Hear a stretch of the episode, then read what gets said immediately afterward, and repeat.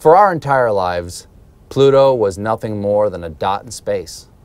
And now it's an entire world with surface features and personality. And oh my God, this section right here looks like a heart. It hearts us! But you know who doesn't heart it?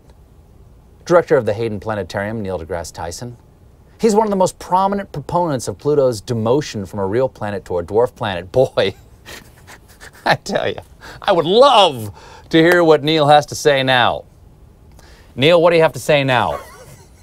You have anything to say about this? Are you excited? I'm I'm excited. On a scale of one to awesome, how awesome is this? I would say awesome minus 10%.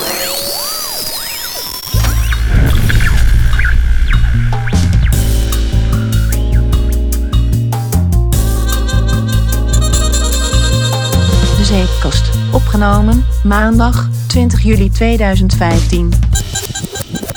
Welkom allemaal bij De Zeepkast, jouw bron voor al je science, popculture en technologie nieuws. Naast mij zit David en vandaag eh, gaan wij het weer hebben over allemaal eh, interessante dingen. Allemaal interessante dingen. Allemaal interessante dingen. Het is allemaal interessant. Gewoon. Het is alleen maar interessante dingen. Weet Maakt jij... niet uit wie je bent, het is gewoon interessant. Gewoon. Het is gewoon interessant. Weet jij ook interessante dingen? Deel die dan even met ons via eh, onze Facebookpagina, Zeepkast, onze Twitter, Zeepkast. Mail ze even naar pocket.zeepkast.nl. Dan verschijnen ze automatisch in onze readinglist.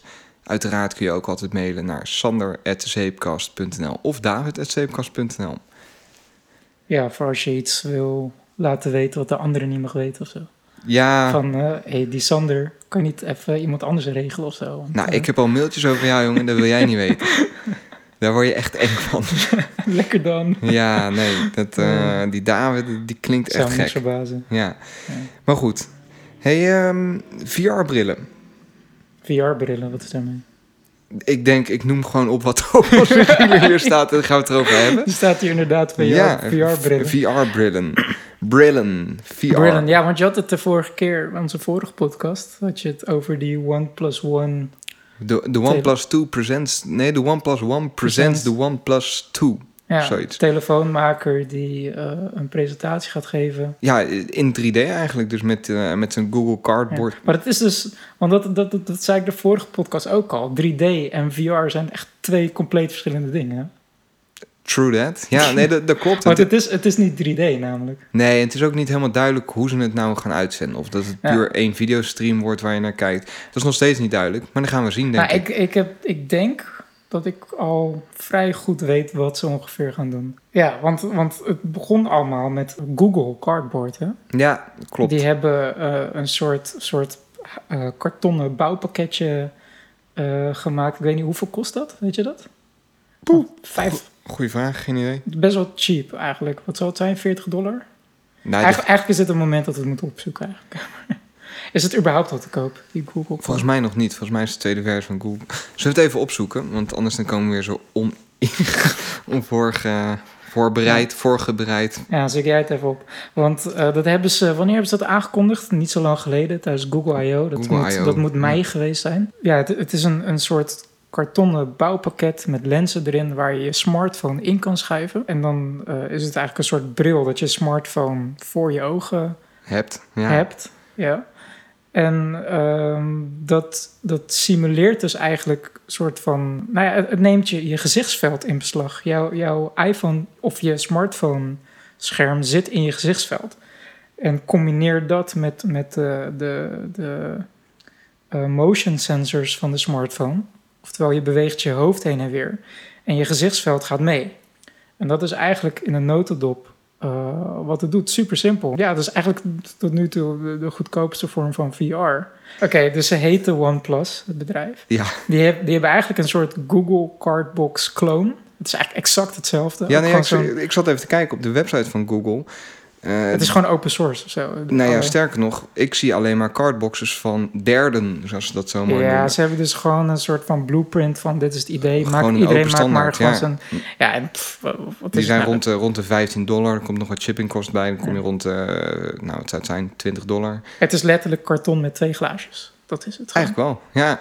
En dan, eh, ja, so- de software die erachter draait, die bepaalt hoe tof het is, zeg maar, hoe goed het werkt. Ja, precies. Het is eh, inderdaad, eh, het is gewoon een constructie om je smartphone voor je ogen te houden. En dan is, is, het, That's aan, it. dan is het aan de softwaremaker wat je daarmee doet, inderdaad. Je kan Klopt. er spelletjes van Klopt. maken. Je kan een, een soort eh, virtuele tour door, weet ik veel, een museum. Of Ja, en wat dat zou je er in theorie mee kunnen doen. dat staat nog heel erg in de kinderschoenen. Ja. Dus je hebt nu wat apps staan dat je dat net lijkt of je in een achtbaan zit. En dat is allemaal ja, superleuk. Maar dat kan nog veel verder gaan. En dat gaat ook heel snel nog veel verder. En inderdaad, het OnePlus, maar daar wil ik niet te lang bij stilstaan. Want dat hebben we Ja. vorige podcast ook al Ja, behandeld. Maar zij, zij hebben dus eh, ter ere van de, van de aankondiging van hun nieuwe telefoon, wat dus eind deze maand is, Ja. hebben ze dus eh, hoeveel van die, van die brillen gratis weggegeven? Nee, we hadden het dus vorige podcast over dat ze inderdaad die brillen gratis gingen weggeven. En toen was er voor de rest nog niet zoveel over bekend, behalve dat die gratis zou worden. En toen Ja. die dag erop, toen eh, was ik online en toen zag ik dat ineens voorbij komen op mijn Facebook. En toen was er dus een maar. Maar, we geven er maar, tussen haakjes maar, 30.000 weg, wat dus vrij veel is. Mhm. Toen heb ik vervolgens een uur daar, daarop geprobeerd om die dingen een beetje te bestellen. Want de website was, eh, nou, die kon al het verkeer niet aan en die lag er constant uit. En een beetje eh dramataferelen. Maar uiteindelijk toch wel voor elkaar gekregen om er twee te bestellen. Dus ik heb nu, eh, nou, je hebt ze gezien, twee van die... Ik heb er eentje, dankzij jou. Ja, zoals je had beloofd. zoals ik had beloofd. Ja, ga ik gelijk wat leuks vertellen, want je mag hem afstaan. Nou, bedankt. Ja, nee, ja. Ik heb er wel plezier van gehad. Hoor. Nou, dus het- hij is gebruikt. Het, het, het leek mij heel leuk om er eentje eh, aan onze dedicated luisteraars, daar doen we natuurlijk voor, om een van die cardboxen, eh cardbox zegt dat goed? Ja, een van die cardboxen eh, weg te geven. Cardbox of cardboard? Nu Cardboard ik- is het, ja, nee, ja. Het is eh, cardboard, hè, ja, niet cardbox. dus dat, eh, maar het leek me leuk om er eentje weg te geven. En ik wil er niet een heel ding van maken, eh, te, te, te promotieachtig, maar deel gewoon even op onze Facebook. Zetten we even een postje, eh, post je ehm, en zet daar even een reactie onder met wat jou een leuk onderwerp lijkt om te behandelen in de zeepkast voor volgende week of over twee weken. Eh, dan zoeken wij de leukste, het leukste onderwerp zoeken we uit. En die belonen we met zo'n cardbox. Dan gaan we ons stinkende best doen om die nog voor de eh, OnePlus 2 launch bij je te krijgen. Want die is de 27ste. De 27, dus dat is, het is vandaag de 20ste. Dus dat is nog tegen de tijd dat deze podcast online gaat, is het misschien 21. Je- dus een kleine week ja, eigenlijk moeten dus echt. Binnen een week. Dus Ja. zodra je het hoort, gelijk. Ja, nou ja, ik dacht, jij gaat hem wel even brengen dan. Ja, ik, eh, ja, ik ben toch vrachtwagenchauffeur, Ja, dus eh, dan ga ik daarom. toch... eh, Nee, maar dan, eh, dan gaan we die even opsturen. En eh, dat, dat is leuk. Eh, Ja, dat gaan we ja. even doen. Dus recap, op Facebook kan je ons vinden op onze pagina, de Zeepkast. Dan hebben we een super awesome, te gekke giveaway. Win nu een cardbox. Like, share, subscribe. Deel met al je vrienden. Laat alles en iedereen liken. Nee, Nou, hoeft allemaal of- niet. Oh, dat, ja, inderdaad. Van eh, eh, like dit en eh, ga op twee handen staan en zo. Oh, en dan maak je kans op... Ja. Dat, dat, daar ben ik een beetje allergisch voor. Maar dus gewoon... super simpel, op onze Facebookpagina maken wij gewoon een post. Ja, En daar moet je op reageren met een tof een leuke suggestie of eh, wat je gisteren gegeten hebt of zo. Maakt eigenlijk niet zoveel uit. Zo. Nou ja, het lijkt me wel handig om het een beetje relevant te houden. Kijk, je mag daar als suggestie zeggen dat je wil dat wij gaan bespreken wat je gisteren gegeten hebt. Maar dat weet je denk ik niet. Als het echt, als het, hey, je weet niet, als het echt een super, super interessant gerecht is of zo. Dan, eh, Nou ja, als jij lunch hebt gehad met Bill Gates als of zo. Of als ja. bijvoorbeeld een gerecht is wat, wat, wat bedacht is door een AI-computer van IBM, bijvoorbeeld. Oeh, waar gaat hij heen hiermee? Vertel David. Waar, Nee, waar doe je de andere, op? gaan we het de andere keer. Oké, oké. eh, Dat is ook, wauw. Ik zat voor de podcast de hele tijd te denken van, toen schreef ik het woord aankondiging op en ik kon maar niet bedenken waarom ik dat ook weer deed. Maar dat was hierom. Dat meen je niet. Ja, het komt ineens terug. Jij vertelde dat mij dat, je, dat- er een computer van IBM was, eh, de Watson geloof ik. Watson, ja, Watson. Eh, niet Newton, de Niet Watson. Watson. En die berekent eigenlijk wat goede gerechten zijn. Nou ja, hij heeft een soort, ze hebben die, die artificial intelligence. Nou ja, ja, het is een soort van supercomputer eigenlijk. Het is geen AI. Maar eh, eh, die, eh, die hebben ze allerlei dingen geleerd, zoals Jeopardy spelen, een soort Amerikaanse. Jeopardy spelen. Ja, dat is een, dat is een, een, een, eh, een Amerikaanse gameshow met een soort van trivia-achtige game. En daar heeft Watson dus ook aan meegedaan, omdat hij dus helemaal vol zit met allemaal weetjes en dingen. Oké, dus het is Eh, gewoon een computer die alles weet, zeg maar. Ja, ze hebben hem nu dus helemaal volgegooid met allemaal informatie over eh, ingrediënten, specerijen en smaken. En wat, wat mensen lekker vinden en wat voor dingen goed, goed combineren en zo. Dat hebben ze helemaal volgegooid. En op basis daarvan eh, eh, draait hij dus allemaal Maakt hij allemaal recepten van... nou ja, eigenlijk, dat is niet helemaal waar. Want hij maakt eigenlijk een soort van boodschappenlijstjes van deze ingrediënten eh, passen leuk bij elkaar. En dat kan dus dan bijvoorbeeld ing- ingrediënten zijn uit Europa, Japan en Zuid-Amerika, die normaal gesproken nooit met elkaar in aanraking zouden komen. Een soort van Uber-fusion keuken, zeg maar. Fusion!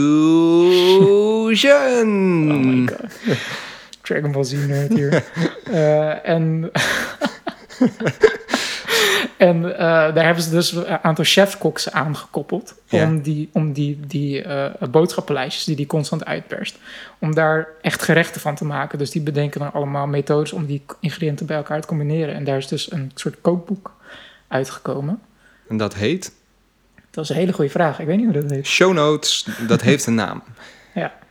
K- Koken met Watson of zo. K- Kook, het heet Koken met Watson.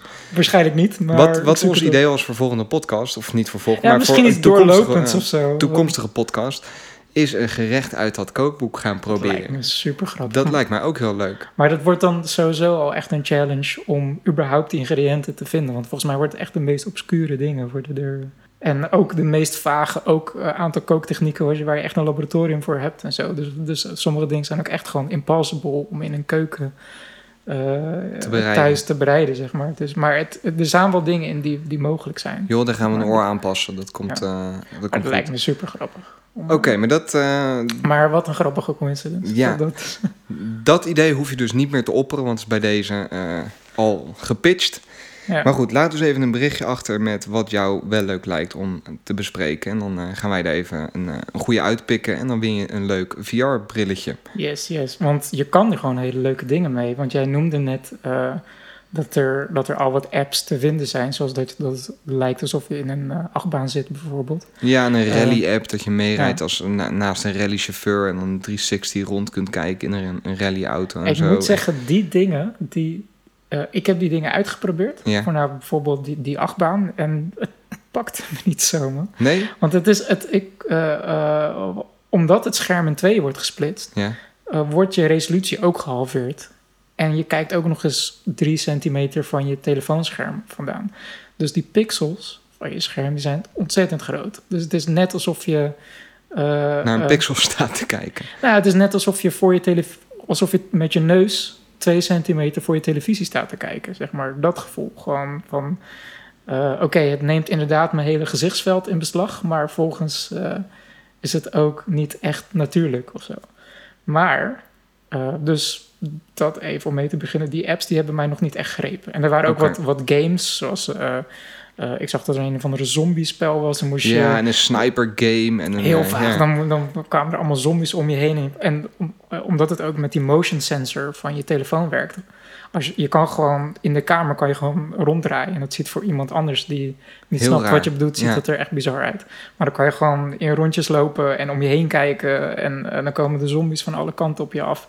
Eh, en dat is leuk voor, voor eh, eh, een minuutje. En dan denk je van, oké, ik snap het concept. zeg maar. ja, Maar ik zat laatst toevallig op YouTube. ja. Ehm, Kom, kom je daar vaker, David, YouTube? Ja, dat, dat is. ik, ik woon er dichtbij, dus. Maar goed, jij zat Ik laatst op YouTube. ik, Wat- zat, ik wat- zat laatst op YouTube. Ja.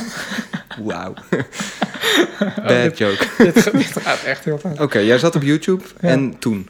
Ja, ehm, eh, ik volg een aantal channels, waaronder Conan O'Brien. Eh, dat is een Amerikaanse talkshow host. is wel grappig, heeft een leuke guest. En, eh, Lekker luchtig, ja. Ja, het is ontzettend luchtig en eh, gewoon heel plat en, en droog af en toe. Maar ehm, Hij is op dit moment eh, eh, in San Diego, omdat, eh, nou, op dit moment niet meer, maar Daar was eh, hij. daar was hij, Ja. eh, omdat Comic Con eh, gaande was. eh, Zo'n gigantische beurs waar de nieuwste films, Awesome. tv-series, comic books, alle nerdy eh, Batman, Superman dingen worden daar aangekondigd altijd. Ja, ik heb het wel een beetje gevolgd. Ik, eh, ja, ja, ja. Dat, daar gaat mijn nerd hartje wel sneller van slaan, ik zeg wou maar. dat net zeggen. Ja. Maar hij was daar dus ook. En hij heeft dus op een groot podium... heeft hij daar ook zijn, zijn talkshow gehost. En, eh, Wa- was hij verkleed? Dat is wel een beetje vereist nee, hij was niet verkleed. Wauw. Shame stom, on hè? him, echt. Ja, shame. Ja. Shame. Shame. Maar, wauw, reference. maar ehm, op zijn kanaal, bij zijn filmpje, stond allemaal in het hoekje een logootje 360. Ik denk van, wat is dat nou? Ehm, ik keek het volgens mij een keer op een computer of zo. En toen was het beeld echt heel vaag vervormd. En ik dacht zoiets van, oké, dit werkt niet. Ik weet niet wat het is, whatever. Later ging ik een ander filmpje kijken. Dat was een interview met, met een, de X-Men cast. En er komt een nieuwe film aan, X-Men. Ook met zo'n drie- eh, 360 graden logo. En ehm, ik startte dat filmpje in en het begon gewoon normaal. En toen dacht ik van, wat is de cameraman gek aan het doen? echt geen grap, hè? Ik, ik dacht van, wat gebeurt hier? Het, het beeld trilde helemaal. En eh, toen kwamen de, de gasten het podium oplopen... en toen vloog de camera opeens naar het plafond toe. En ik iets van, wat is dit? en Ja. en eh, ik weet niet of je snapt waar het naartoe gaat... maar toen Ik, ik heb een idee. op een gegeven moment kwam dat besef naar me van... wacht even. Ik beweeg mijn telefoon en het beeld ging gewoon mee. Ik, Wauw. ik, kon, ge- ik kon gewoon met mijn telefoon kon ik gewoon de camera beïnvloeden. Ik kon me gewoon tilten, bewegen. Ik kon naar de vloer kijken. Ik kon omdraaien, naar het publiek kijken. Eh, eh, ik kon naar de zijkanten kijken waar de cameramensen stonden. En ik kon... eh, ze hadden, het was ook een behoorlijke cast. Dus die zaten in een soort van half, halve cirkel, zeg maar, zaten ze Ja. op het podium. En de camera was zo dichtbij dat je niet het, de hele cast in één keer in beeld had. Dus je moest ook heen en weer kijken. Dus als Conan wat zei, dan moest je je beeld naar rechts bewegen om, om, om de talkshow host Conan te zien. En toen Die ging niet een acteur- verkleed was. die niet verkleed was. En eh, toen ging eh, eh, een acteur praten over hoe strak er, er tenue wel niet is in de X-Men film. Wauw. En, en dan moest je naar links bewegen om dat te zien. En ik, ik dacht van, wauw, wat. Ik zat alleen maar, op een gegeven moment zat ik niet eens meer op te letten wat er gebeurde. Ik zat gewoon alleen maar om me heen te kijken. van, van, van, en er is gewoon geen dode hoek, hè. Je kan gewoon overal naartoe kijken. Het is echt true 360. Ja, En dat is denk ik die setup die, waar ik het vorige keer over had, die Google heeft aangekondigd. Met die GoPro's helemaal rondom. Nou ja, maar dat, dat is dus... Het is niet eens allemaal GoPro's rondom. Want ehm, Je kan maar ook naar boven en naar beneden. nou om het verhaal af te maken... Ja, het, het werkt gewoon native in YouTube. Ik hoefde niks te installeren. Het werkte gewoon bam in YouTube. En dan... oh, ik heb natuurlijk die, eh, die cardboard. Eh, dus eh, ik gelijk natuurlijk eh, eh, proberen. Ik moest dan wel een extra programmaatje installeren... om het beeld in tweeën te splitsen. Anders Ja. werkt het niet met die lenzen. Eh, dus ik stop erin. Ja, het is super gaaf. Je kan gewoon met je hoofd heen en weer bewegen. En gewoon een YouTube-filmpje om je heen kijken. En ehm, toen ging ik ook wat verder zoeken. En toen zag ik ook dat er eh, ook een of andere vlogger... Videologger. ja, die dagelijks hun leven een beetje eh, in kaart brengen. En gewoon zichzelf filmen eigenlijk. That's Eh, it. That's it, Ja. inderdaad. Eh, die hadden ook zo'n camera. En die zei dus eh, van... Ja, het, het ziet eruit gewoon uit als een normale camera. Dus we moeten gewoon ook een keer wel even onderzoeken... hoe dat er nou allemaal uitziet en hoeveel het kost en zo. Want ik denk dat ze speciale lenzen gebruiken om dus overal... Want je hebt ehm, bepaalde soort ufo-achtige bolle lenzen... met een soort spiegel erin. Dat je gelijk... eh, eh, Rondom filmt. ja, maar dat je dus in, i- inderdaad in één keer alles ziet. En dan wordt het waarschijnlijk digitaal wordt dat bij elkaar gestitcht. Dat het werkt of zo. Eh, maar dat moeten we even bekijken. Maar het schijnbaar, dat zei hij dus ook van... wauw, deze camera ziet er gewoon normaal uit. En ze gingen gewoon een winkelcentrum inlopen en het viel gewoon niet op. Het leek gewoon alsof ze met een normale camera... ze konden gewoon met één hand gewoon zo vasthouden en gewoon mee rondlopen. Dat, dat is natuurlijk wel grappig als je dan gewoon een winkelcentrum inloopt en je mag iets niet filmen daar. Ja, wat je wel eens hebt. Dan ga je gewoon heel de andere kant op staan filmen en dan Ja. hebben ze niks Ja. door. En dan zit je gewoon zit je, zit je alles mee te filmen. Maar dat is, eh, als zelfs zo'n vlogger dat heeft, dan is dat dus gewoon net als Het zal niet goedkoop zijn, maar ik denk net als met drones. Het, is wel betaalbaar. Het, het ligt wel in de handbereik van de consument. Tof, leuk. Gaan we even eh, gaan we weggeven zo'n brilletje. Ja. Ja. Niet zo enthousiast, Sander. Ja, wel. Ik ben al heel enthousiast over. Ja, nee, ja, zeker weten. Nee, ik zit nog steeds met Comic Con in mijn hoofd. Gewoon, oh, ik zou daar zo graag een keer heen willen. Dat lijkt Ja. me zo, eh, zo vet. Er Als- schijnt als- eentje in Duitsland te komen. hè?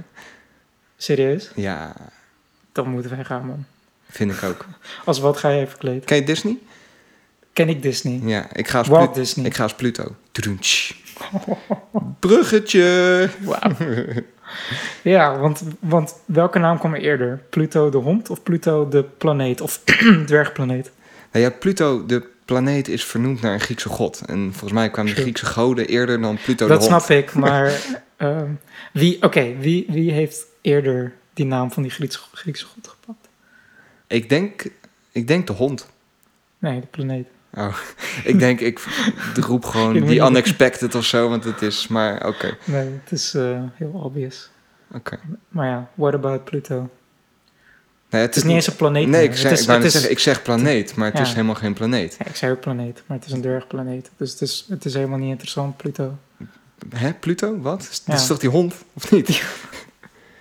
Ja, nee. Maak het niet te ingewikkeld. Nee, oké. Nou, Pluto voor, eh, hè, is een eh, dwergplaneet in ons zonne... Ik ga het even uitleggen. is een dwergplaneet in ons zonnestelsel... die we nog nooit van dichtbij hadden gezien. We wisten dat hij er was. En het is We ook... wist, dat, dat, dat helpt al heel erg dat we wisten dat hij er was. Dat, ja, dat is wel makkelijk als je iets naartoe schiet. Ja. Anders dan... eh, dat, dat, dat mikt zo moeilijk. Ja. Maar goed, het is de... Ja, ik had er eigenlijk nooit bij stilgestaan. Hè? Dat, dat we eigenlijk nooit wisten hoe Pluto er eigenlijk uitzag. welke kleur die überhaupt had, hè? Precies, want zelfs de Hubble-telescoop, waarvan ik denk van ja, die ziet, kan zo ver, Die ziet een hoop. eh, die ziet een hoop inderdaad. Maar blijkbaar, da- da- daarmee on- onderschat je dus ook weer de grootte van het universum en zo. Eh, als je de, de, ja, goed, de verte inkijkt, zeg maar, dan, en, en je laat genoeg licht binnenvallen, dan komen er allemaal dingen naar boven. Maar Pluto kon hij niet zien. Letterlijk, eh, eh, als hij naar Pluto keek, was het echt Vier pixels. Vier pixels, Ja. inderdaad. Gewoon een, een, een klein wit stipje was het. That's it. We wisten niet eens eigenlijk exact hoe groot het was, Pluto. Nee, dat, dat werd telkens Dat- bijgesteld. Ja, Dat, precies. eh, Dat was ook weer gokken en eh, echt bizar. Ja, dus twintig jaar geleden was er een team Brave Scientist die dachten... Dat is ook weer zo met NASA. Er zijn altijd van die, van die teams die ideeën hebben om, om missies te, te, te gaan doen. Eh, ja, er is maar een bepaalde pot geld. Met, Ja. met wat kunnen we doen? Nou, dat is inderdaad eigenlijk ja, dat is 20, 15 jaar geleden zo eh, gelukt om de project New Horizons op te starten. Ja, en toen hebben ze... eh, dat was wel, was wel leuk, hè? Want toen hebben ze ook een soort... Ja, een aantal dingen gedaan om dat een beetje... eh, ik denk ook in de trant om dit te gaan doen. Een beetje populair te maken. Dus toen, is er, toen kon je je naam opgeven. En er zit een plaat met namen, geloof ik, op. Met 50.000 namen. eh, die Dat richting- is, eh, dat is Voyager, man. Is dat Voyager? Ja. Wauw. Je, hebt, je haalt iets heel grondigs door de Voyager. Maar je bedoelt die gouden platen. Nee, nee, nee, nee, nee. Want Voyager zat een andere plaat op. Daar zat gewoon een soort van Vesuvius Soort- Man, maar dan soort- anders. Met onze locatie en zo. Ja, precies. Die, die, met die vinylplaten. op, op de eh, New Horizons zaten iets van, ik geloof, 50.000 namen. Een echt volledige naam, voor- en oh, achternaam. really? En de eerste mensen die zich daarvoor eh, opgaven, die kwamen daadwerkelijk op die plaat. En dat is daarheen geschoten. Maar dat ding, dat reist nu natuurlijk door. En nobody knows where. Want nu gaat hij echt into deep Nou ja, space. ze, ze hebben nog wel wat plannen ermee hoor. Dus hij is nog niet. eh, Hij is niet useless nog. nee, nee, hij is zeker niet useless. Ze gaan er nog mee andere Kuiper Belt eh, objects mee bezoeken en zo. Dus de power source die erop zit, eh, die werkt tot ongeveer mid 19, eh, tussen 1930 en 1940. Die gaat nog zo'n. eh, 1930. Ja, hij gaat, eh, ja, zoiets. Ja, hij gaat echt nog weer zo'n 15 jaar mee. Is dat niet 2030? Eh 2030. ja. En 1930 is Pluto ontdekt. Dus misschien zat ik daarom Oké, daarmee. oké. Ja. Dus tijdlijn 1930, Pluto ontdekt, Hubble telescoop, die eh, ja, kon vier pixels waarnemen en wist niet precies wat het was. Eh dachten dat het een enorme planeet Ah, was. eh, ja, ze dachten eigenlijk meteen van dat is de negende planeet. En die, die, die werd steeds kleiner. En toen kwamen we erachter dat het de negende, de achtste, de negende, de achtste planeet was. Omdat die eivormig draait, zeg maar. Ja, want dat is inderdaad, eh, we maakten net al grapjes van, ja, het is geen planeet meer, het is een dwergplaneet. Vanaf eh, 2006 begonnen er echt flinke discussies te ontstaan. Eh, voornamelijk door een aantal eh, scientists die eh, eigenlijk de planeten wilden gaan categoriseren in, in eigenlijk hadden ze drie categorieën bedacht. De zogeheten rocky planets, dus echt de steenachtige planeten. Dat zijn de eerste vier, dus Mercurius, Venus, onze planeet Aarde en Mars. Dat zijn eigenlijk de vier echt steenplaneten. Daarna krijg je de gasreuzen. Dus eh, eh, wat is het? Jup- eh, Jupiter, Saturnus, Uranus. Uranus en Neptunus.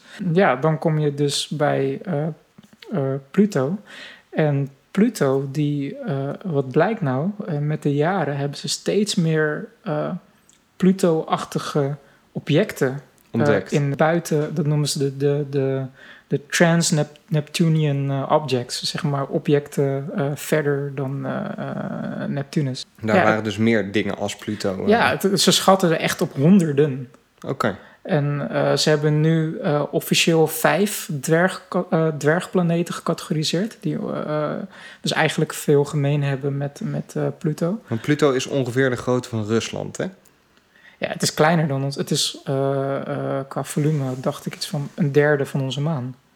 Ja, nee, om het even een beetje in perspectief Het te is zetten. gewoon kleiner dan onze maan. Ja, Dus dat, is dan, dat, dat brengt het dan wel weer in perspectief of zo. maar er- er is altijd een soort van... nou, je hebt heel veel echt Pluto-lovers, hè, of zo. Dat ja, het is, echt- het is een Pluto ontzettend echt- geliefde planeet. ja, Ik dat is echt een... Helemaal, dat vind ik wel mooi. Dan is dat ding er nu langs geschoten... en dan zien we een heel groot hart erop. Waar je ook, prachtig. ook echt een beetje het hoofd van echt de hond Pluto in zou kunnen zien. Met Ja, een gewoon beetje echt zo'n hartje van Pluto Hartsas. Ja, nou, dat... dat, dat Maar ik maar denk dat- maar op ja. zich, ik, ik, eh, als je er echt over gaat nadenken, het is wel. eh, er valt wel wat voor te zeggen. Voor allebei valt wat te zeggen. Want als je nu Pluto ook ziet, die hoge resolutie plaatst, dan. eh, om eerlijk te zijn, dan denk je van wauw, dat is gewoon een planeet. En zeker wat ze nu ook aan het dingen aan het ontdekken zijn, maar daar moeten we het straks over hebben. Maar er zijn een aantal tegenargumenten, zoals Pluto is, is de grootste eh, Ku- Kuiperbelt-object eh, die, we, eh, die we ontdekt hebben. die we ontdekt hebben. En de Kuiperbelt is dus een soort ring om onze zonnestelsel met, met allemaal meteorieten en, en dus ook dwergplaneten. Het zijn het zweven allemaal stenen en, en, en ijzige objecten vliegen er rond. Maar de, Pluto is niet de zwaarste. Ze hebben ook een andere dwergplaneet ontdekt. Die is iets kleiner dan Pluto, maar wel zwaarder. Hoe, dat, dan vraag ik me gelijk af... Hoe weeg je een dwergplaneet? Ehm, dat is een goede vraag. Eh, eh, ik denk dat dat met, met zwaartekracht eh, dingen. Oh, ja, doen. tuurlijk. Zo, bijvoorbeeld, ze kunnen waarschijnlijk. Hoe zwaarder een object, hoe meer zwaartekracht aantrekken nou ja, bijvoorbeeld, zwaartekracht heeft ook, kan ook licht buigen. Een van de methodes, ik weet niet of dat de methode is waarmee ze de- deze objecten eh. Wegen. eh, wegen, maar Ja. een methode om, om, om massa eh, te, te berekenen is door, door naar de buiging van licht te kijken. Dus door te observeren hoe licht buigt, kan je zien of er een object is. ja. en- zo, zo ontdekken we zwarte gaten ook. Hè? Bijvoorbeeld, Ja. ja. En, en door de hoeveelheid buiging kan je dus ook massa Maar goed, zeg we dwalen af. Dus we hebben Ja. die planeet. Er ontstaat... het is- excuus, sorry. Dus hij is, niet, hij is niet alleen. Er zijn meerdere type Ja. eh, eh, objecten. Maar het is een, een super geliefd object. En eh nou, 30 jaar geleden, 20 jaar geleden Ja. waren er stel. En hij, en, hij, en hij draait ook niet als, een, als alle acht andere planeten een normale baan rond de zon. De, acht plan- de acht planeten, eh, Mercurius tot en met Neptunus, die, die draaien eigenlijk als je hun die baan een cirkel tekent, dan is dat best wel gewoon een nette schijf. Ja, Gewoon een vlak. Eh, Pluto zit niet op die schijf. Die zit ongeveer 7 graden soort van gekanteld, gedraaid. Dus, dus hij, hij past niet op die schijf van de andere planeten. ja Daarnaast de- draait hij inderdaad in een soort ei, een ovaalvorm. eh, Daarom is het de zevende, de achtste, de, de, zevende, de, de, achtste. negende, de achtste. Soms, soms kruist hij dus het pad van, van eh, Neptunus. En is het eff- voor even de, de achtste planeet in plaats van de negende planeet. Dus het zijn wel gewoon aparte Aparte dingen. Wat, het dus, wat hem dus best wel laat afwijken van, van de, de andere acht planeten. Dus vandaar dat ze dus gezegd hebben nu... het is geen planeet meer, het is een dwergplaneet. Ja. Maar goed, wij gingen daar iets, eh, stel NASA-scientist, die hebben gelobbyd, die hebben geld bij elkaar gekregen om eh, inderdaad een missie te beginnen om foto's of een object richting Pluto te schieten. Ehm, dus New Horizons, die is super snel gebouwd ook, Eh, want er zat een, een bepaalde tijdsdruk op. Ja, dat, eh, ja ze, hadden, ze moesten een bepaalde window halen. Hè? Want het is, ja, want dat had te maken met de, de, het zwaartekrachtveld van, ik geloof, Jupiter. van Jupiter. ja. Eh, Nou ja, ja want eh, eh, New Horizons heeft er nu zo'n negen, negen en een half jaar over gedaan om Pluto te bereiken. Echt bizar. Moet je je voorstellen dat je gewoon een, een experiment start en dan moet je negen en een half jaar wachten totdat je het resultaat ziet. Dat is toch killing gewoon. Ja, en dan gaat hij. Dat was ook nog zo dat hij een paar dagen van tevoren ineens stopt met uitzenden. Oh my goodness, ja. dus dan ben je 9,5 jaar bezig met je missie en dan eh, vier dagen ander, van anderhalve week van tevoren kapt hij er even mee, ja. Oh my god. Ja, Ja. dan- Dat- het was even een bukje, geloof ik. Nou, eh. hij ging, hij ging in safe modus, omdat ze blijkbaar... eh, eh, ze hadden een aantal opdrachten hadden ze naar de eh, satelliet gestuurd. Maar eh, schijnbaar hadden ze dat net in de verkeerde volgorde gestuurd. waardoor die in, in, een, in een soort slaapstand ging. zeg maar. Dus ik denk dat er nu iemand ontslagen is bij NASA. ja, die had het per ongeluk even verkeerd gedaan. Ja, precies. Nou ja, maar dat, dat is gelijk... het is sowieso interessant, debugging op zo'n afstand. Ik bedoel, het duurt eh 4,5 uur om zo'n bericht toe, toe te sturen, om een commando er naartoe te sturen. En dan moet je ook nog eens die- diezelfde tijd weer wachten om het resultaat terug te... eh, dat is echt super bizar. Wat, het, wat sowieso een van de prioriteiten was, is... Ze moesten zo snel mogelijk bij Pluto komen. Want een algemene regel in de wetenschap is... een experiment moet, moet afgelopen zijn voordat je doodgaat. Zeg maar. Ik bedoel, Ja. als je mag zeggen van... Nee, je leeft, eh, wat zal het zijn, gemiddeld 80 tot 90 jaar. dat is als laten we po- eh, heel positief. we positief Ja. zijn, inderdaad. Dan mag een experiment niet 120 jaar duren of zo. Want dan kan je er zeker van zijn dat je het resultaat niet zal meemaken. Ja, nee, dat, dat Dus snap ik. ze moesten dus zo snel mogelijk bij Pluto zijn... zodat de wetenschappers nog soort van fit waren om, om er nog wat mee te doen. Zeg maar. Dus window, ding moest gelanceerd eh, worden. ehm, dus om daar zo snel mogelijk te komen. Ten eerste, eh, je moet een ontzettend licht, licht eh, schip maken. Ja. Qua gewicht was super belangrijk. Alles zo licht mogelijk, elk grammetje eraf. Stap 1. Stap 2. Koop de grootste badass raket die je maar kan kopen. Wauw. Dus toen bellen ze en. SpaceX. Ja, dus We hebben geen contract met SpaceX, maar we bellen ze gewoon. Wauw, Nee. reference, ja. Reference naar de vorige aflevering. Nee, maar Ja. Dus gewoon, ja, gigantische raket met een ontzettend lichte satelliet. Het is de snelste object die we ooit hebben afgeschoten. Ja? daarom, ja. De satelliet die, die kwam langs de maan in negen uur. Terwijl eh, ehm, Neil Armstrong met, met, eh met, met zijn Apollo-missie... Nee, grapje. Wauw. Neil Armstrong, ja. Met zijn eh, Apollo-missie, die, die hebben er echt, wat is het, een week over gedaan. Maakt Ik ook ga het even opzoeken. Die hebben er lang over gedaan. Nu wil ik het weten ook. Ja, ik kan dit nu gaan vol lullen, maar misschien hoeft dit toch Ik knip dit er gewoon uit. Wat, wat boeit dat nou?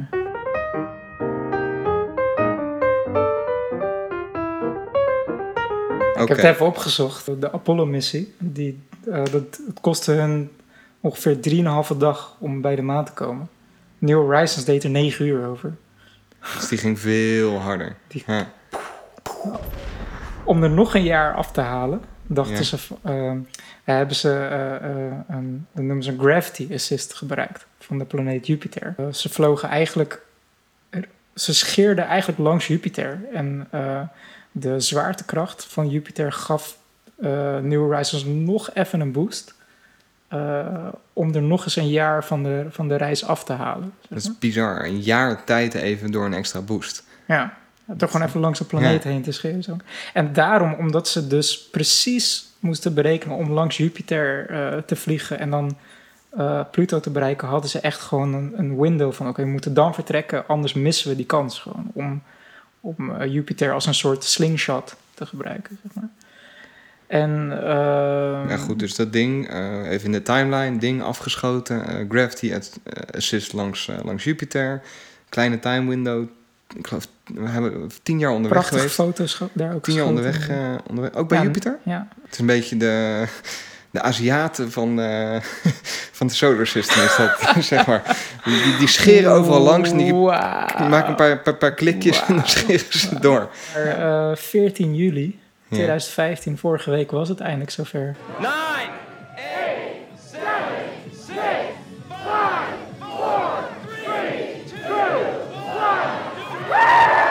Ja, ik, eh, nee, je zag het vond het voorbij komen. super spannend. Waar, ik- waar ik me dan aan kan ergeren, waar ik me aan irriteer of waar ik me aan kan ergeren, is dat dan het 8 uur journaal komt en dat dat dan item 4 is of zo, weet je wel. Bizar, hè? Want het is... Het, het is, This best- is stuff that matters. Dit is, het is een mijlpaal. Ja, We, gaan, we zien gewoon iets in ons zonnestelsel wat nog nooit iemand gezien heeft. nou, ik, Het was, het was, gewoon, het was gewoon een brand new image. Gewoon, het was, iedereen was er gewoon... Dit heeft nog nooit iemand gezien. Ja, maar op aarde zal, er zullen weinig plekjes zijn die nog nooit iemand gezien heeft. Dat En het echt- was ook oprecht voor iedereen, ook de scientific eh, eh, community. Want we maakten net een grapje over van die foto met die hart in het midden.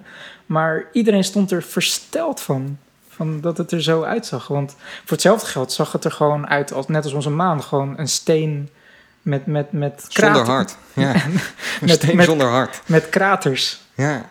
That's it. En dat is dus gelijk het interessante eraan. Ze hebben eh, niet verwacht dat ze zo weinig kraters zouden vinden. Sterker nog, dat, ge- dat gebied, dat hartgebied, wat, Ja. nu, eh, wat ze nu omgedoopt Dat- hebben, de Tambo Reggio. Dat beweegt, hè, of zo?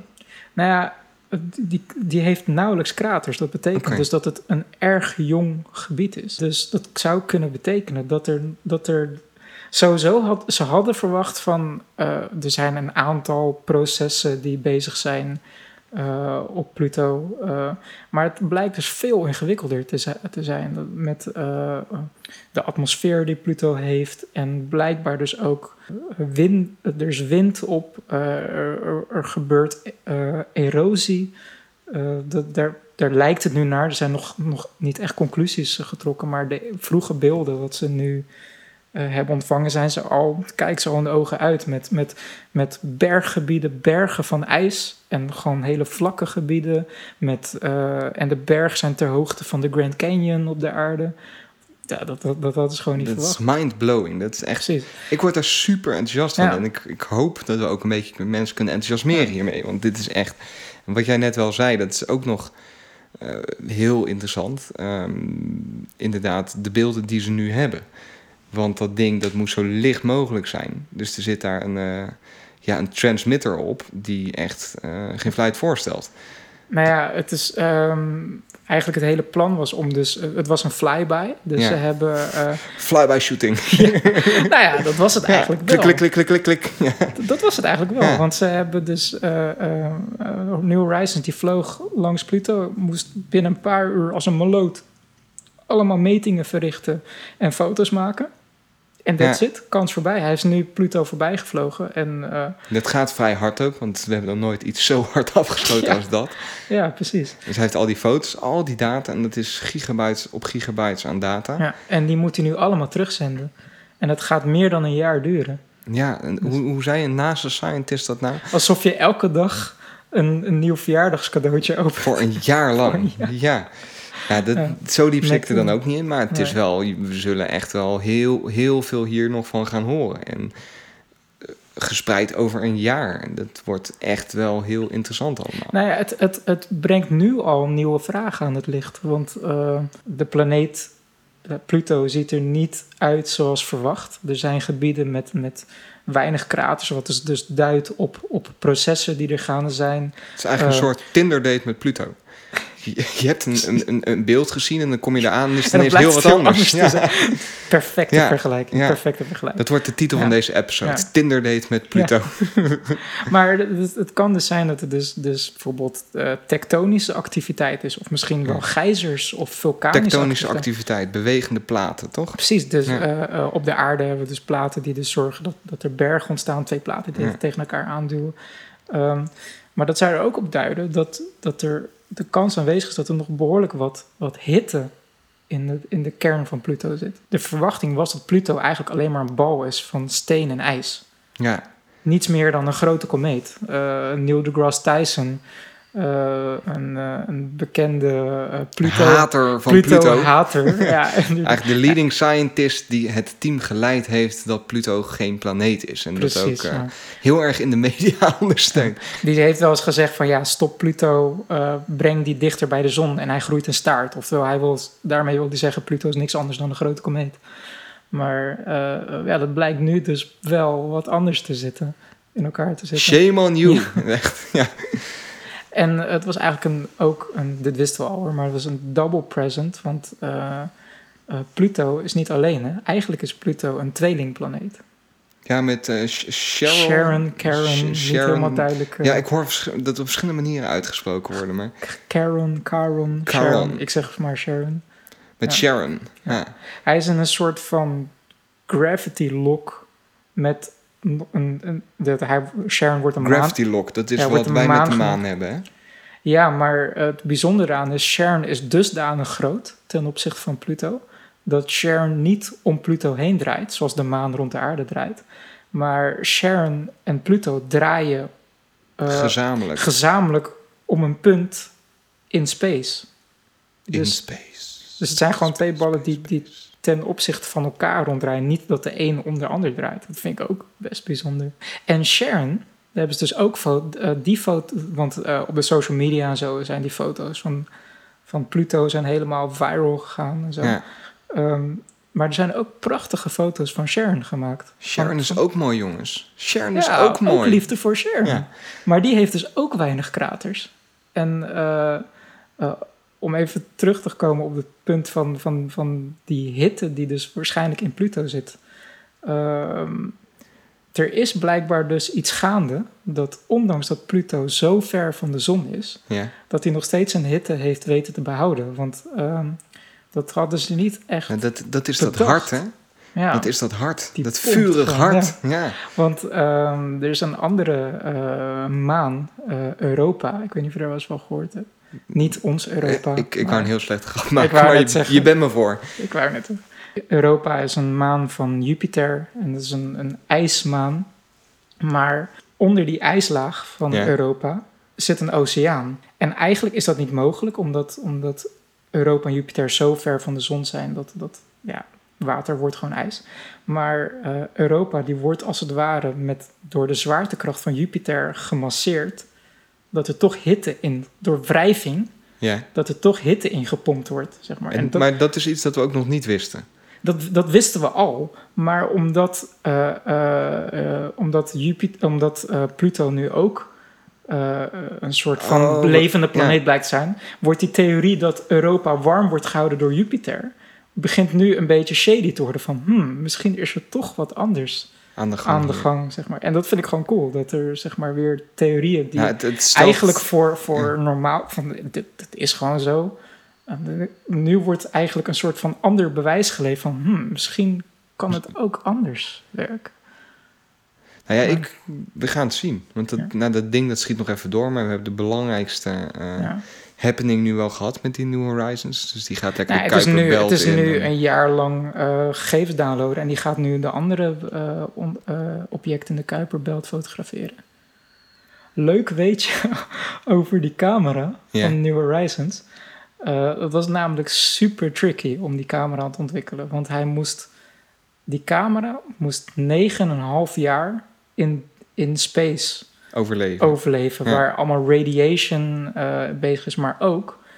ehm, we hebben dus nog nooit zo ver weg iets gefotografeerd. Hè? Een, eh, echt een camera naar zo'n afstand gestuurd en dat hij daar een foto moest maken. En dat brengt, brengt allemaal nieuwe problemen met zich mee. Dus daar, hoe- hoe verder je van de zon gaat, hoe kouder het wordt natuurlijk. Ja.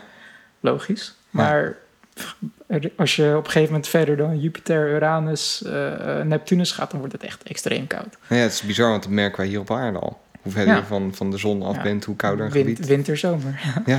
Maar En dan ehm, op, op mega afstanden. Dus dat... eh, hoe kouder het wordt, materialen die krimpen dan. Ik kan hier een hele slechte grap maken. ja, ik wou zeggen, ga maar niet heel ver dan David. Dus, dus wat ze daar bedacht hebben, is ze moesten grootste gedeelte van de materialen van die camera wilden ze van dezelfde materiaal maken. ja? zodat alles tegelijk krimpt. Want als je gewoon een standaardcamera maakt, eh, eh, dan gaat elk onderdeel gaat afzonderlijk van elkaar Ja. op een bepaald moment krimpen. En dan gaat het hele ding kapot. Dus ze hebben eh, voor aluminium gekozen. Ze hebben buizing van aluminium gemaakt. Maar ze hebben de spiegel Ja, in de camera hebben ze ook van aluminium gemaakt. Zodat die mee met de buizing zou krimpen. zodat die als één krimpt. Ja, Oké, dat is briljant. dat is wel slim.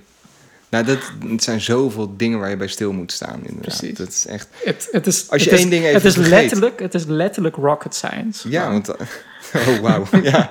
Nee, maar ja, als je één ding vergeet en zo'n missie gaat missen, je komt aan, shit, niet nagedacht dat die camera natuurlijk, Dat natuurlijk al die krimpt. dingen, ja, precies. Dan, dat dan eh, heeft hij zichzelf gewoon letterlijk kapot getrokken, zeg maar. Ik zag dus laatst een, eh, een plaatje op Facebook voorbij komen over wat eh, deze missie nou gekost heeft. Mhm. En mensen hebben heel vaak het idee van ja, we zijn maar geld aan het verbranden met dingen in, in de Ja, ruimte En, iets- Waarom moeten we het geld besteden aan ruimtevaart als je er andere dingen mee en daar wil ik even een betoog over houden.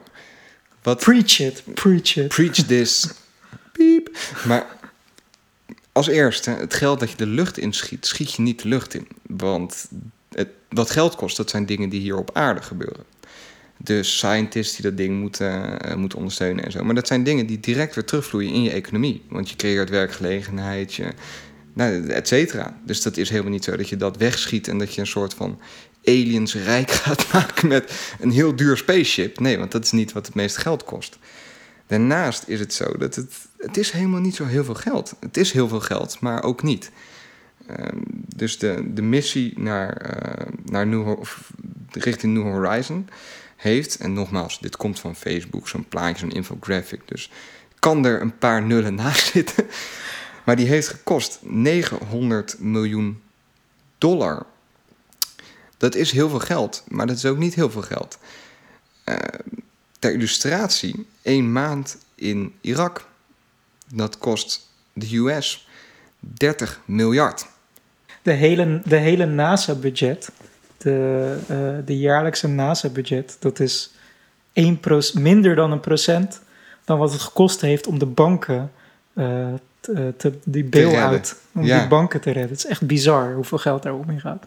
En ik heb nog nooit een bank een planeet zien ontdekken, toch? Dus eh, Precies. I rest Ja. my case. Ja, ik vind ik, gewoon eh, dat daar veel meer geld voor helemaal uitgetrokken moet worden. Want dit, is, dit zijn de dingen die we... Het laat ons weer, weer, niet om sentimenteel te doen, maar het laat ons weer dromen of zo. Van wat er allemaal mogelijk is en wat er Nou, allemaal nog te ontdekken is. Nogmaals, bedoel, wij als mensen, wij zijn ontdekkers inderdaad. Ja. En we hebben nu de aarde wel redelijk in kaart. En er gebeurt ook nog heel veel spannend. CERN was laatst een ontdekking. Maar Ja. de echte ontdekkingen liggen niet langer op aarde. Maar ja, we were not built for this planet. Of hoe was die nou van, eh, van die film? van, We were, Van, born, we were born here, but not meant to die here. van, van, de- van de Interstellar inderdaad. Ja, nou ja, dat vind ik wel een hele mooie uitspraak. Van, for God's sake, laten we in- inderdaad gewoon de galaxy nou eens in kaart gaan brengen. En laten we eens kijken wat we daarmee kunnen. Blue Remembered Earth laten we de solar system kolona- kolonariseren. Precies dat. En laten we daar eens geld voor uittrekken. En I rest my case. Ja, top. Poeja. Oké. Pauze.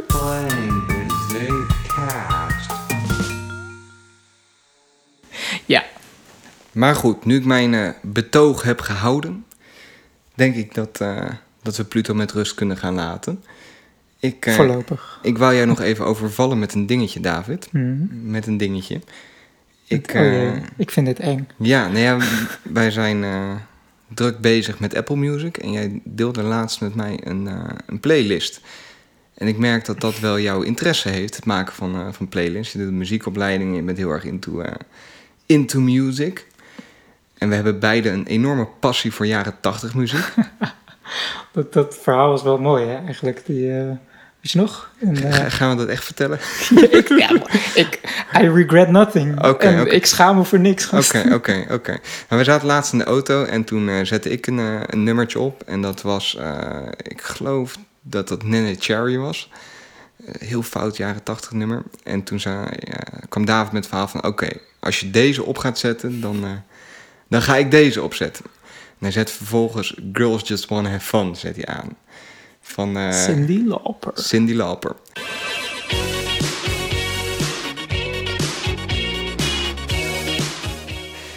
Maar, en dat durf ik niet zo goed hardop te zeggen, dat is een soort van mijn ultimate guilty pleasure-achtig Niet nummer. eens een guilty pleasure. Niet het is gewoon guilty, het is nummer. gewoon een van mijn favoriete nummers. Eh, dusdanig erg dat op het moment dat ik in de auto zit en dat nummer komt voorbij, dan zing ik uit volle borst mee, zeg maar. En Maar dat dan- wist ik niet. dat wist hij niet. En ik zeg, oh mijn god, wat doe je me aan?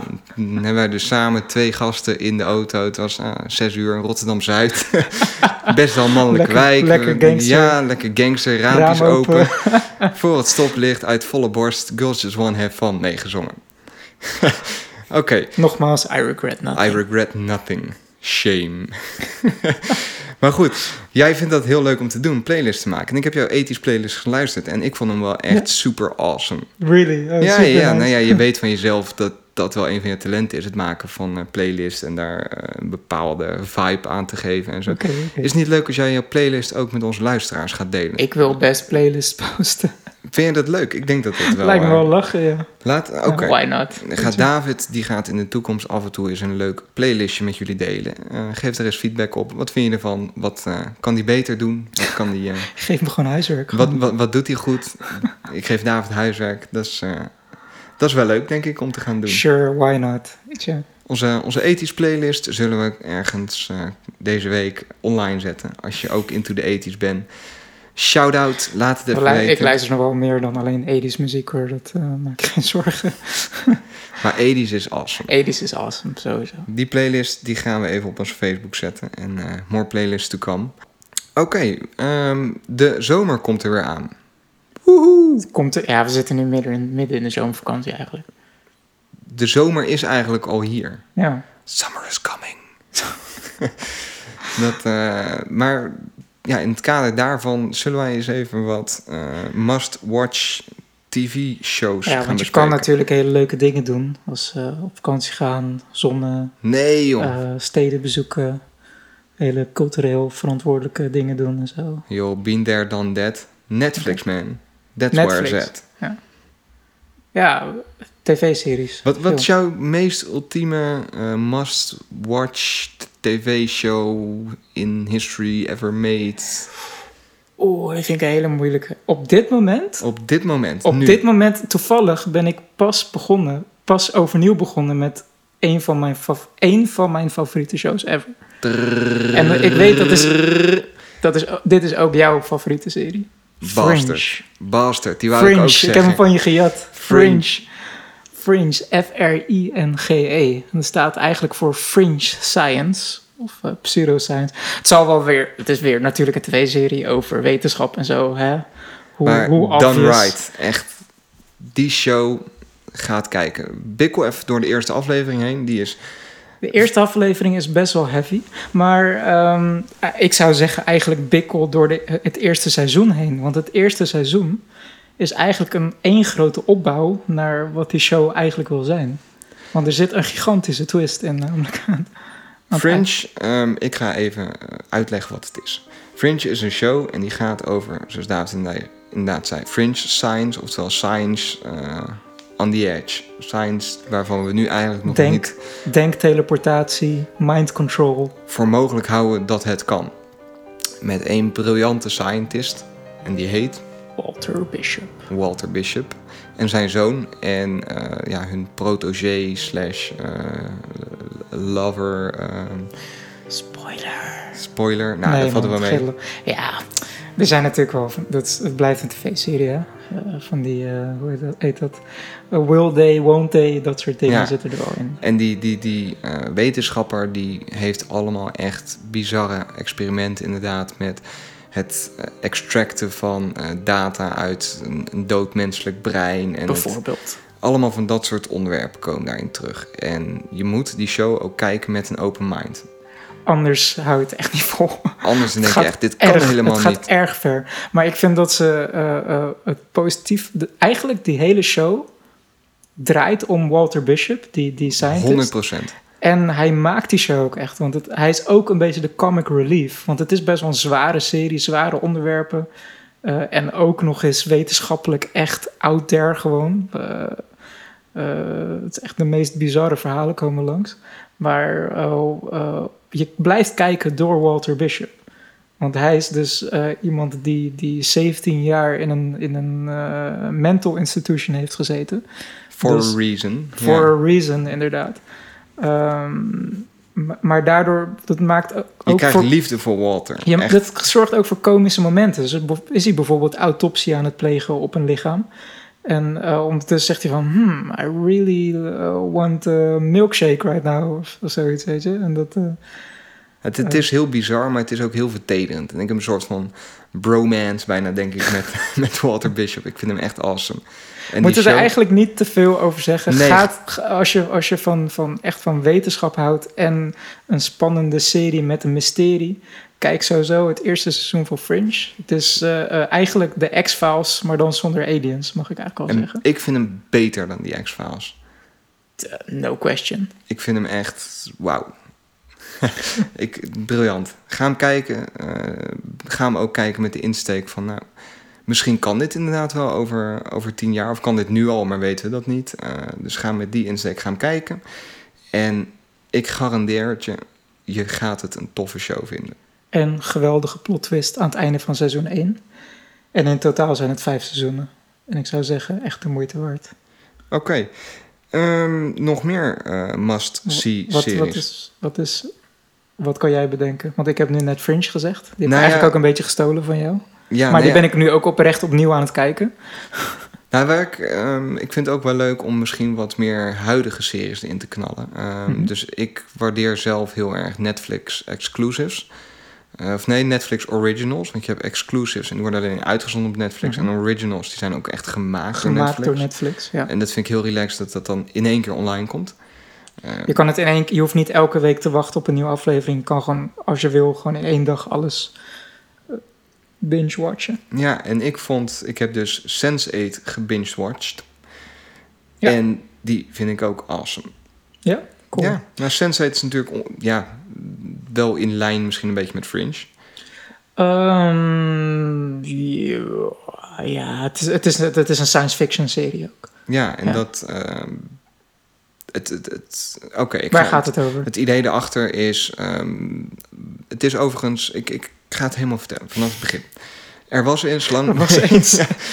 Nee, het is gemaakt door de Kowalski Brothers. Wachowski ze- eigenlijk Wachowski, no tegenwoordig- longer brothers. tegenwoordig Wachowski siblings. Ja, ja want, Want één is een vrouw geworden. ja, Het waren broers, maar... Eh, en één die, eh, die heeft ervoor gekozen haar leven te leiden als vrouw. En dat Ja. kan tegenwoordig. En dat sure, support ik. why not, weet je. En eh, de Zij- Wachowskis zijn van The Matrix fame natuurlijk. Zij hebben de Matrix gemaakt en zij hebben nu een. eh, het concept daarachter is, en daarmee zijn ze naar Netflix gestapt. Wat nou als je eh, verschillende mensen hebt die dezelfde eh, waarnemingen en skills delen? Ze, ze voelen alles van elkaar. Ze, ze kunnen elkaars vaardigheden en kennis. Ehm, Gebruiken. ja, dus eh Sense8, de naam zegt het al, het zijn acht mensen. En die zijn dan ook nog eens heel conveniently over acht verschillende steden verspreid. Het is ook echt in acht verschillende steden gefilmd. Dat is wel, eh, dat is wel heel gaaf om eraan te zien. Ja, en dat is echt... eh, zij hebben dus dezelfde ja, bewustwording eigenlijk. Dat is Ja. wel een goede, goede noemer, denk ik. Ja, En eh, die bewustwording die, die groeit ook naarmate het eerste seizoen verder gaat. Dus die wordt steeds heftiger. Je ziet ook dat daar onderling verschillende eh, ja, connecties weer sterker zijn dan andere. Ja. En dat is, ik vind het concept heel, heel pakkend. En dat vind ik heel leuk aan de serie. Dat, ja, daar wil ik wel eens over nadenken. Wat nou als je acht mensen hebt met dezelfde bewustwording? Is een beetje een soort van een geheel filosofisch denken. We krijgen natuurlijk steeds meer een collectieve Hm. bewustwording met social media. En ik weet constant alles van jou en jij van Ja. mij. En als, skills als de opzoeken. ene kung fu kan, dan kan de andere ook kung fu. Ja, als de en- ene eh, go- goed, eh, goed is in liegen, dan kan de ander opeens ook heel goed liegen. Eh, ik denk dat we keer, misschien de volgende podcast even de show moeten reviewen. Want eh, ik Ja. heb hem ook helemaal afgekeken en ik heb ook zo mijn meningen over, over die show. Dus dat, dat concept vond ik heel tof. En daarnaast eh, vond ik de uitwerking... ehm, vond ik heel leuk, of heel leuk eh, vond ik goed gedaan. Want ze schromen geen taboes. Dus er zat daar een van de characters die je ziet... dat is, nou, net als een van die eh broers slash zus... ehm, dat is ook een omgebouwde eh, eh, vrouw. Dus Ja, het, het ja. was voorheen een man Ja. en die gaat nu door het leven als vrouw. Ja. Eh, maar er wordt daar voor de rest... Ja, dat, dat, dat wordt ook niet geschroomd om dat gewoon zo te laten zijn. En- Waarom moeten mensen deze show kijken? Sense 8? Dat is een moeilijke vraag eigenlijk. Ja, nou ja, ik vond wel, en dat, dat klinkt misschien een beetje pervy, maar wat ik een van de mooiste scènes vond uit Sense8, dat was die collectieve seksscène, zeg maar. Ja, jij zit te Nou lachen, maar ik weet dat ja, jij het ook ik, zo vond. Ja, nee, ik weet welke scène je bedoelt. Maar dat was collect, Ik denk dat dan mensen een heel verkeerd beeld zeggen als jij de, hebben als jij nu zegt collectieve seksscène. Want dat is, dat is eigenlijk heel, mo- heel mooi gezegd orgie. Maar dat was het niet. want er was inderdaad, er waren iets van twee characters die hadden een, een eh, love scene. Maar omdat ze allemaal hun consciousness sharen. eh, eh, hadden die andere mensen in die groep, die hadden diezelfde ervaring. En dat werd toen heel, dat, heet, dat, dat doet die show wel meer. Die, had, die gaf dus heel arthouse-achtig in beeld hoe al die, al die acht mensen die seksuele ervaring Met elkaar hadden- delen. Ja. dit met elkaar deelden, wat die ene persoon eigenlijk in de realiteit maar had. Zeg maar. Dat was eigenlijk een beetje het idee van die scène. Zeg maar. Dat, En dat zag er echt heel freaky en dat- arthouse-achtig uit. dat en dat was po- positief voor, want het, het zag er super cool uit. dat typeerde die show wel voor mij. En dat is absoluut, want het was ook helemaal niet pervy. Het was gewoon echt een hele mooie scène. Ja, nee, maar het was echt een mooie scène, vond ik. En dat, dat typeert die show voor mij. En ik denk echt Het dat is wel een 18-plus show. Oh, zeker. zeggen, ja. ja. ga, ga dat niet kijken als je eh, bang bent voor naakt. dat is... eh, Goed gezegd. Dat zit er nogal in. Ja. Maar dat eh, af en toe, naar mijn smaak iets te veel. Maar ik vond Ja. het... eh, Ja. Ben benieuwd... Zullen we deze show een keer reviewen? Ja, En, gaan we eh, doen. en, maar dit is wel ook een zomertip. Gewoon, Ja. Het zijn iets van 10 afleveringen of zo, 12 afleveringen. Als je, als je hem gezien Sense8. hebt, deel even je ervaringen met ons. Want die kunnen we meenemen in onze review. En dan kunnen we op ingaan, zeggen of we dat hetzelfde vinden. Of we het daar niet mee eens zijn. Dus als je hem gezien hebt of je gaat hem nu kijken, deel even wat je ervan vond. Dat Ja, cool. vinden we leuk om te horen. Ehm, dus Ik- dat is de eerste. En dan heb ik er nog wel eentje. Nog een Netflix original. Ja, ja. ja. Eh, dan denk ik dat jij weet welke ik ga zeggen. Ja, we hadden het al over Comic Con. Comic over Con. comic books en eh, Batman en zo. Daredevil. Daredevil. Die show. Speelt Ben Affleck daar ook in? Nee, ik heb hem niet gezien. Nee, maar ik, eh, Daredevil nou, is een comic book held van DC. Eh, nee, Marvel. Van, eh, tuurlijk van Marvel. Het, sp- het speelt zich ook, want eh, Marvel die heeft dus de, dat noemen ze de MCU. Dus al hun films die ze uitbrengen, Iron Man, Thor, Hm. En dat eh, staat voor Captain America, Multi-connected universe, geloof ik. toch? Marvel Cinematic Universe. Ik had het helemaal fout. Maar goed. Dat al die films die spelen zich in dezelfde wereld af. En daarom kunnen ze dus ook films doen, zoals de Avengers, waar al die, al die comic book characters allemaal in dezelfde film voorkomen. En, Daredevil speelt ook in die universe af. maar Daredevil is niet in lijn met die films. Hij is wel in lijn... Nou, het is niet als film uitgebracht. Het is Maar- nu een Netflix original. Heel de, de, de, de, de, de- het gevoel dat die show je geeft is heel Hij anders. voelt heel, het voelt een beetje Dark Knight Batman-achtig. Het is Heel gritty. En, Super eh, duister. ja. maar in theorie zou Daredevil uiteindelijk in een grote film s- naast Iron Man en Captain America kunnen voorkomen. Ja, Want eh, eh, in de serie wordt, worden er ook, wordt ook Iron Man en zo genoemd. Daredevil is dus een held van, eh, van eh, DC. Nee, van, van, van, van Marvel. Die eh, hartstikke blind is. eh, maar die al zijn andere senses... sense 8, nee, senses... Blind as a bat. Nee. super, super erg ontwikkeld heeft. Dus die kan enorm goed vechten daardoor. Want hij hoort als een bepaald iets ergens valt of zo. En dan weet hij waar in de ruimte zich dat bevindt. Dat klinkt heel vaag, maar als je het gaat kijken, dan snap je het. Het wordt, de show opent ook met, met zijn origins van er is een of andere chemische truck ongeluk en het dan allemaal chemisch blind goedje is over zijn ogen heen gevallen. En daardoor wordt hij ook blind, maar daardoor worden zijn andere senses ook extreem verhoogd. En die show die is super duister, maar het camerawerk daarin is echt briljant. En er zitten daar op een gegeven moment vechtscènes in, die zijn zo vet gefilmd en zo tof in beeld gebracht. Dat, alleen dat maakt die show al voor mij. En daarnaast vond ik de Kingpin, dus dat is eh, Kingpin, zeg maar ja. de, de arch enemy van, eh, van, eh, hoe heet die, Daredevil. van Daredevil. Ja. En die vond ik, want die heb je al een aantal keer eerder in films gezien, maar die vond ik heel goed ehm, gecast en ge, geportretteerd. Ja, ik ken hem altijd van de Spider-Man tekenfilms, volgens mij. Daar zat hij ook in. Maar... Ja, nou ja, dat is eh, MCU, hè? Ja, Dus, eh, precies. Ja, maar wat, wat ik zo vet vond... Het is, ik bedoel, comic books, vrij nerdy en eigenlijk ook voor kinderen.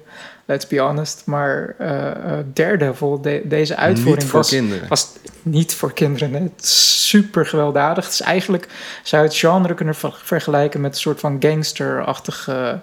eh, vind je niet? Een soort van... Ja, de, de vibe niet, maar misschien de, de, de, de, de, Ja, weet ik niet. Misschien Nou, het geweld voelde wel heel erg gangsterachtig aan. Want, want, want die Kingpin is eigenlijk een soort van maffiabaas. Een, Nou ja, z- het een is- zware, het is een zware, maffiabaas, een zware crimineel. En Daredevil is in by day is het een advocaat. Eh, en eh, ja, het is, het is eh, wat je zei, ontzettend mooi in beeld gebracht. Het verhaal, je, je, je voelt ook echt mee met die, met die characters. Het, ja, het, het- ik, ik was er wel echt van onder de indruk. Zeg Dus- maar. Het staat echt wel, eh, als je het vergelijkt met de films van Marvel, Ir- Iron Man en Captain America, zit toch veel humor in en zo. En dat was bij Daredevil een stuk minder. Dat was een stuk serieuzer. Het, het voelt veel volwassener aan, of zo. Ja. Dat is misschien niet de goede omschrijving, maar Nou, misschien ook wel. Eh, Ik denk eh, naar Iron Man bijvoorbeeld, ga je eerder met, met een zoontje van 12 of zo ga je er naartoe. Dat, eh, ik denk niet dat Daredevil is ook niet- daar niet echt voor bedoeld. De verhaallijnen liggen daar te ingewikkeld voor. Het geweld is daar veel te grafisch voor. ja, eh, dus dan hebben we hebben drie, drie series, drie must-watch series. Sense8 Fringe, Sense8, Daredevil. Sense8 gaan we eh, bespreken ook Ja. binnenkort. Willen we graag jou, jouw input voor hebben. Wat vond jij ervan? Dan denk ik... Ik, eh, ik heb nog wel, om even af te sluiten, om even van de science fiction en de comic books even af te stappen, eh, heb ik nog een soort van twee suggesties die, eigenlijk heel nauw eh, verwant met elkaar zijn. Dat is namelijk, ik ben zelf ook best wel into spionage. oh ja, dat is een goeie. ja, spi- spionageseries. En voornamelijk spionage wat zich in het verleden heeft afgespeeld in de Koude Oorlog. Dus denk aan jaren tachtig. Wat ik daar zo gaaf aan vind, is dat eh, tegenwoordig, eh, als je naar de, de wat nieuwere eh, James Bond films kijkt en zo, dan heb je altijd van die hack-scènes en sp- spionage tegen in de moderne wereld is veel meer Dit gebeurt van achter je bureaustoel. cyberspionage, computers en naar cijfertjes kijken en door een een of andere Deus Ex Machina wordt... Deus Ex Machina. Moet jij denk ik even toelichten? Nou ja, gewoon dat, dat, dat, die, dat, dat gewoon door een moment dat, dat, de, dat de hoofdrolspeler opeens precies weet wat hij moet doen, bijvoorbeeld. Dat, Ja, dat is gewoon zo'n zo'n zo'n moment, zeg maar. En dat, dat de laatste tijd, door, doordat spionage eigenlijk verplaatst is naar de cyberwereld... Spionage is eigenlijk veel saaier geworden. is het veel saaier geworden, inderdaad. In de jaren tachtig eh, was spionage eigenlijk veel gevaarlijker en veel fysieker. Eh, je, eh, het is letterlijk pruiken opdoen, nepsnorretjes, eh, zendertjes in hotelkamers eh, verstoppen die, die eigenlijk gewoon eh, te grootte zijn van, van een luciferdoosje. Het, dus probeer dat maar eens te verstoppen. Het is veel spannender, want het, het is ontzettend gevaarlijk. Je kan zo gepakt worden, omdat het allemaal zo primitief is en, en on edge. Dus dat vind ik gewoon heel tof aan die, aan die, sp- aan spionage in die tijd. En er zijn eigenlijk twee tv-series die daar nu op inhaken. Dat, zijn, dat is namelijk The Americans en Deutschland 83. Uh, The Americans, dat loopt al een tijdje. Er zijn nu twee seizoenen uit. En die kan je, dacht ik, ook op Netflix eh, eh, vinden. Anders eh, zijn er vast ook wel andere wegen om The Americans te vinden. En The Americans, die gaat eigenlijk over eh, eh, Russische spionnen in Amerika. En die Russische spionnen, die doen zich voor als Amerikanen, die Americans. Alsof eh, het een gelukkig... eh, Getrouwd Amerika- stel is. ja, het is een man en een vrouw inderdaad. En, die zijn dus allebei dus gerecruiteerd door de KGB. En die zijn dus ook door de KGB bij elkaar gebracht. Dus ze kenden elkaar eerst niet. En die moeten nu een getrouwd stel spelen. En de show begint eigenlijk 18 jaar later. Dus ze zijn al 18 jaar in Amerika. En ze hebben ondertussen ook twee kinderen. Waaronder een tienerdochter. En die kinderen weten niet dat hun ouders Russisch zijn. Ja, ik, dat, dat, dat- meer ga ik er niet over zeggen. Maar ik denk dat het al genoeg... Maar het zet goed, eh, ja, de Ja, stage. dus- Ja. Ja, precies. Dus eh, ja, The Americans is echt een aanrader als je van spionage houdt. En zeker spionage uit de jaren tachtig. Maar die Americans vond ik ook nog... dus het was inderdaad jaren tachtig, maar er zat wel een Hollywood sausje overheen, over die Americans. Mm, ja, kijk, het is natuurlijk in de moderne... Ja, ik, weet niet helemaal wat je bedoelt. Nou ja, ik probeer meer een bruggetje te maken naar Deutschland 83. Want dat is... Ja, oké, ik snap wat. Ja, dan snap ik wat je bedoelt. Want eh eh, eh, The Americans, het, het is gewoon een Amerikaanse tv-serie. Wat ik wel dat ze vind dat ze heel goed doen, is het is geen pro-Amerika eh, tv-serie. Dat is het zeker niet, want de show, het is dus eigenlijk de KGB versus de FBI. En er is geen goed of fout. De FBI doet net zo gruw- gruwelijke dingen als de KGB. Dus de FBI komt er echt niet als een lievertje uit boven die serie. Dus het is, eh, wat dat betreft kiest de serie geen kant van de FBI is goed en de KGB is slecht. Ja. Dus, maar je ziet het alleen vanuit, voornamelijk vanuit het oogpunt vanuit die twee Russische spionnen. En er is ook, eh, zijn ook wat hoofdpersonages uit de FBI. Maar alles is heel grijs. Het is niet eh, zwart of wit. Of eh, Amerika. Maar bij, bij Deutschland 83 is, ja, is niet Hollywood. Nee, ja, Deutschland 83, dat is dus de andere serie waar ik het over wou hebben. Ehm, die is pas begonnen. Er zijn nu vijf afleveringen van uit. Ehm, en dat speelt zich dus af in Duitsland.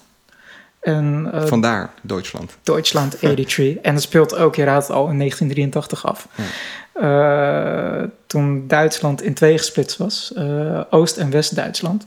En dat gaat erover dat er een, een, een Oost-Duitse jongen van 24 eh gerecruiteerd wordt om spionage te gaan plegen in West-Duitsland. Want de- ook Koude Oorlog super veel ehm, eh, wantrouwen over ja, wie gaat nou nucleaire wapens inzetten en waar is het nou. Dus het, zijn taak is dus om, om eh, eh, West, het, het leger in West-Duitsland te infiltreren en om te onderzoeken waar nou, wat voor plannen er zijn om, om Oost-Duitsland aan te vallen.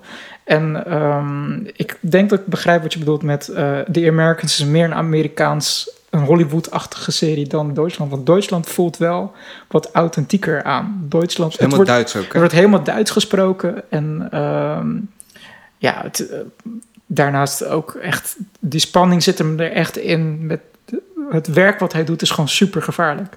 Eh, hij, heeft, eh, hij heeft dus ehm, de plaats ingenomen van een. Hij heeft eigenlijk identity theft gepleegd. Ja. Dus hij heeft de identiteit ingenomen van een, een, een, eh, een eh, recruit in het Duitse leger die best wel veel eh, ingangen heeft als het ware. En daarvoor de originele herstam is vermoord door de. Door de Herstam? Ja, ik weet, ehm, ik weet zijn voornaam even niet. Ehm, Oh, dat is een naam. Zijn achternaam. Herstam. nee, zijn Ja. achternaam, die, die, die personage die overgenomen heeft, heet Stam in, in, Ja. in West-Duitsland. En eh, ja, dus dan komt hij bijvoorbeeld iemand tegen die de originele stam kent. Ja. Ja, probeer dat maar eens op te lossen. Awkward. Ja, bijvoorbeeld dat. Ja. Of eh, hij moet een hotelkamer binnenkomen en, en gewoon een gigantische microfoon verbergen. En dan, en dan blijkt dat de, de persoon die ze willen afluisteren van kamer is gewisseld. En dat daar dan de Amerikaanse generaal... eh, dan moet hij weer als een maloot die microfoon ophalen. En ja, het is echt belachelijk eigenlijk Heel wat ze allemaal moesten doen. Ja, Ja. Ik, ik vind dat echt te gek. Dus eh, Duitsland 83 is nu een, een, een lopende serie. En dat gaat dus over de Koude Oorlog in Duitsland. Eh, en eh, er zijn nu vijf afleveringen Ja. van uit. En het is een wat meer arthouse-achtig, authentieker, authentiekere serie. En The Americans, ja, eh, dat, dat loopt al een tijdje, twee seizoenen van uit. En dat gaat over KGB versus FBI in Amerika. En dat is ook echt de moeite waard gewoon. Ga die ook kijken als je een, eh, een uurtje te, te besteden hebt of wat meer deze vakantie. Ja, dus dat waren mijn eh, suggesties nog even. Maar goed, dan denk ik dat we onze kijkers wat te doen hebben gegeven deze. Veel dit was de, dit was de huiswerkpodcast. Dit was de huiswerkpodcast, ja. Dus ga vooral reageren, laat je horen. Wij gaan een brilletje online zetten. Ga die, eh, ga die Ja. proberen te winnen. Hoe kunnen mensen dit brilletje ook weer winnen? Ga naar Facebook en geef even een suggestie over wat wij, wat wij moeten gaan behandelen in de komende podcast. Ik plaats wel even een post daar en dan kun je even op reageren met een suggestie. En dan gaan wij daar de leukste uitkiezen. En die gaan we daadwerkelijk behandelen en een brilletje jouw kant op sturen. Heb je nou andere suggesties, los van het brilletje, voor eh, leuke onderwerpen, et cetera? Je kunt ze ook altijd inbrengen via ons Facebook-kanaal, via onze Twitter, Zeepkast, Facebook ook op Zeepkast. Eh, mail ze naar ons pocket.zeepkast.nl. Komt die automatisch in onze reading list. Of sander.zeepkast.nl of david.zeepkast.nl. Laat vooral ook even een comment eh, of een, eh, een recensie achter op onze, op onze zeep of op onze podcast In iTunes? In iTunes. Dat is heel belangrijk voor ons. We kunnen niet zo goed meten hoeveel luisteraars we nou hebben. En eh, zouden we leuk vinden, dus laat je horen. Dan eh, denk ik dat we er zo zijn, David. We hebben weer echt veel te veel gepraat eigenlijk. We dachten van, oh, we hebben te weinig punten en zo. Maar zo zie je maar weer, hè, Ja, Pluto was Niet- gewoon awesome. Ja. niet, niet ons heel lijstje afgemaakt. Maar dat is goed zo. Tot de volgende keer. Lieve luisteraars, live long and prosper.